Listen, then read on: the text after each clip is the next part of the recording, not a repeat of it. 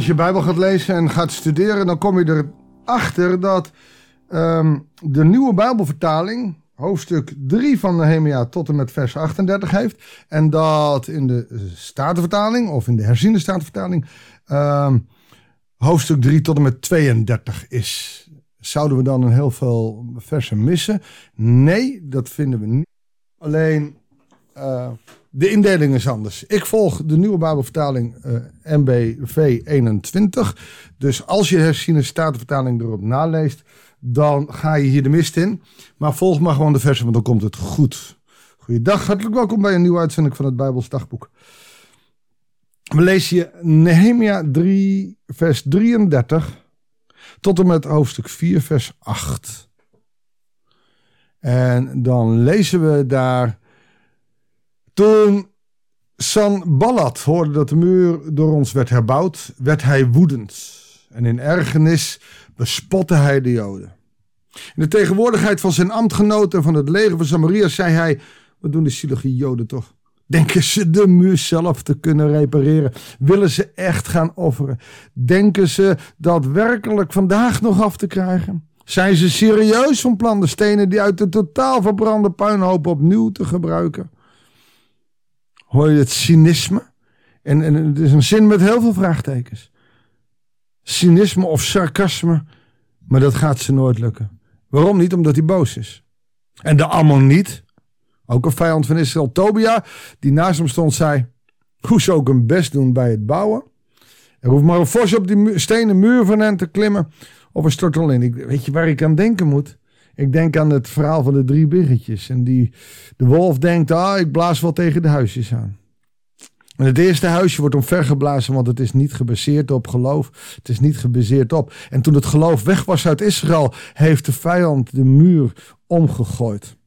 Ja, dan komen dus uh, de drie biggetjes zouden bij wijze van spreken hiervan uitkomen. Maar toen Nehemia terugging en gebaseerd op zijn geloof in God de muur weer opbouwde, kan er geen fors opspringen kan er geen wolf tegenaan blazen. Hij blijft staan omdat God het wil.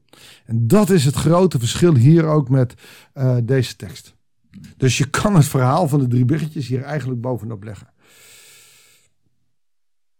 Maar dan komt er, en dat zal van Nehemia zijn, en dat was verwarrend in vers 36, een gebed. Hoor onze God, hoe wij worden veracht. Laat hun loon op hun eigen hoofd neerkomen. Voer hen weg in ballingschap. Geef hen de prijs aan plunderaars. Dek hun misdaden niet toe. Zie hun zonden niet door de vingers, want ze hebben u in het bijzijn van degene die de muren stellen beschimpt. Nehemia wil hier gaan bidden. Deze mensen die nu met hun eigen handen de muur tegenover hun huis herstellen. Om samen de muur van Jeruzalem op te bouwen in het vertrouwen dat, dat God erbij zal zijn. Bid nu tot de Allerhoogste. Heer, bescherm ze. Want deze spotters, Sanballat en Tobia, die denken dat ze zomaar wat kunnen zeggen. En zo staat er ook, zo bouwden wij de muur weer op. En de hele muur werd voltooid tot de halve hoogte.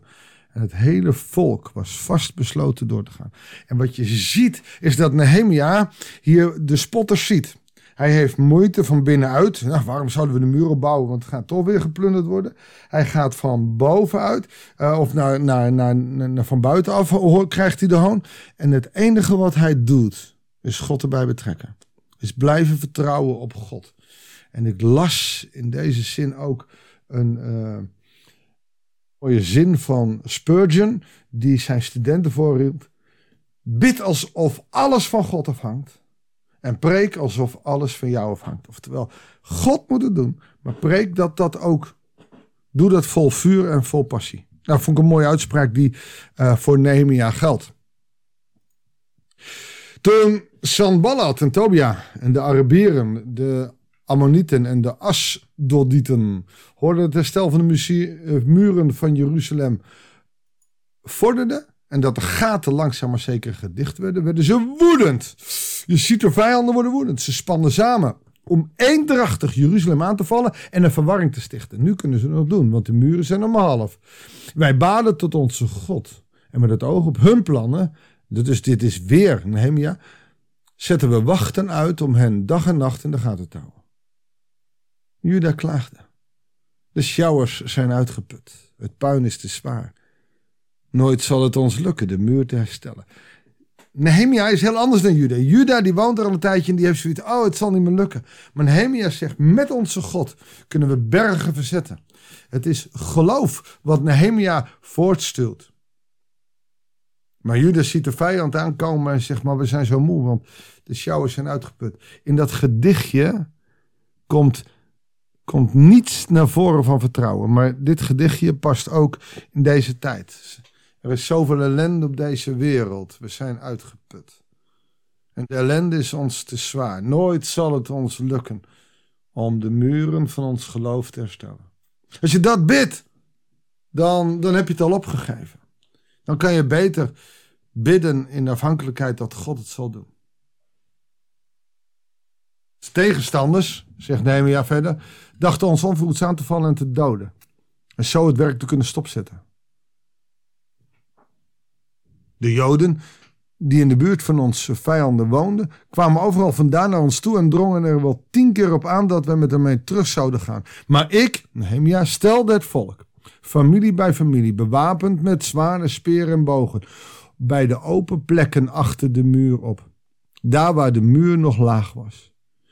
En na inspectie drukte ik de burgers en de vooraanstaande burgers, de bestuurders en de rest van het volk dit op het hart.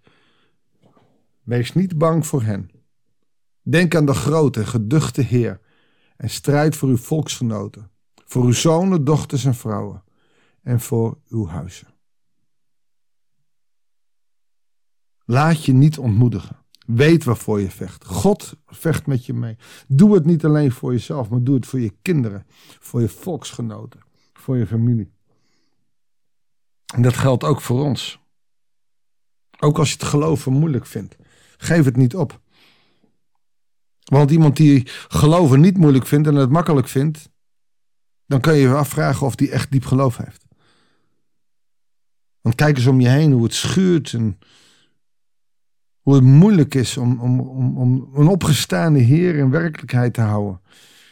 De mensen geloven het niet meer en hebben het al lang opgegeven. Maar Nehemia zegt, hou vol.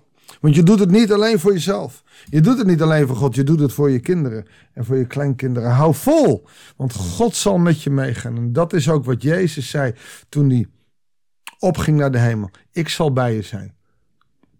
Alle dagen van je leven, totdat ik terugkom. Dus de boodschap van Jezus past ook bij de boodschap van Nehemia. Hou vol. Jude kan klagen. De vijand kan veroveren. Jij houdt vol omdat God voor je is. Zullen we daarvoor bidden? Heer God, ook in deze tijd zijn de muren afgebroken. Is ons geloof kwetsbaar. Maar de grootste zwakheid is dat we niet voldoende op u vertrouwen. Zegen ons. Zegen ons wie we zijn, wie we mogen zijn, wie we moeten zijn. In u, bevrijd van de last van het oude leven. Staand met het schild, de helm en het zwaard van het geloofsleven op. En leer ons zo om te blijven staan voor dat beloofde land wat u ons beloofd heeft. En dat we daar niet voor weglopen. Ook in deze tijd. Zegen ons zo. In Jezus' naam. Amen. Dankjewel voor het luisteren. Ik wens je God zegen en heel graag tot de volgende uitzending van het Bijbels Dagboek.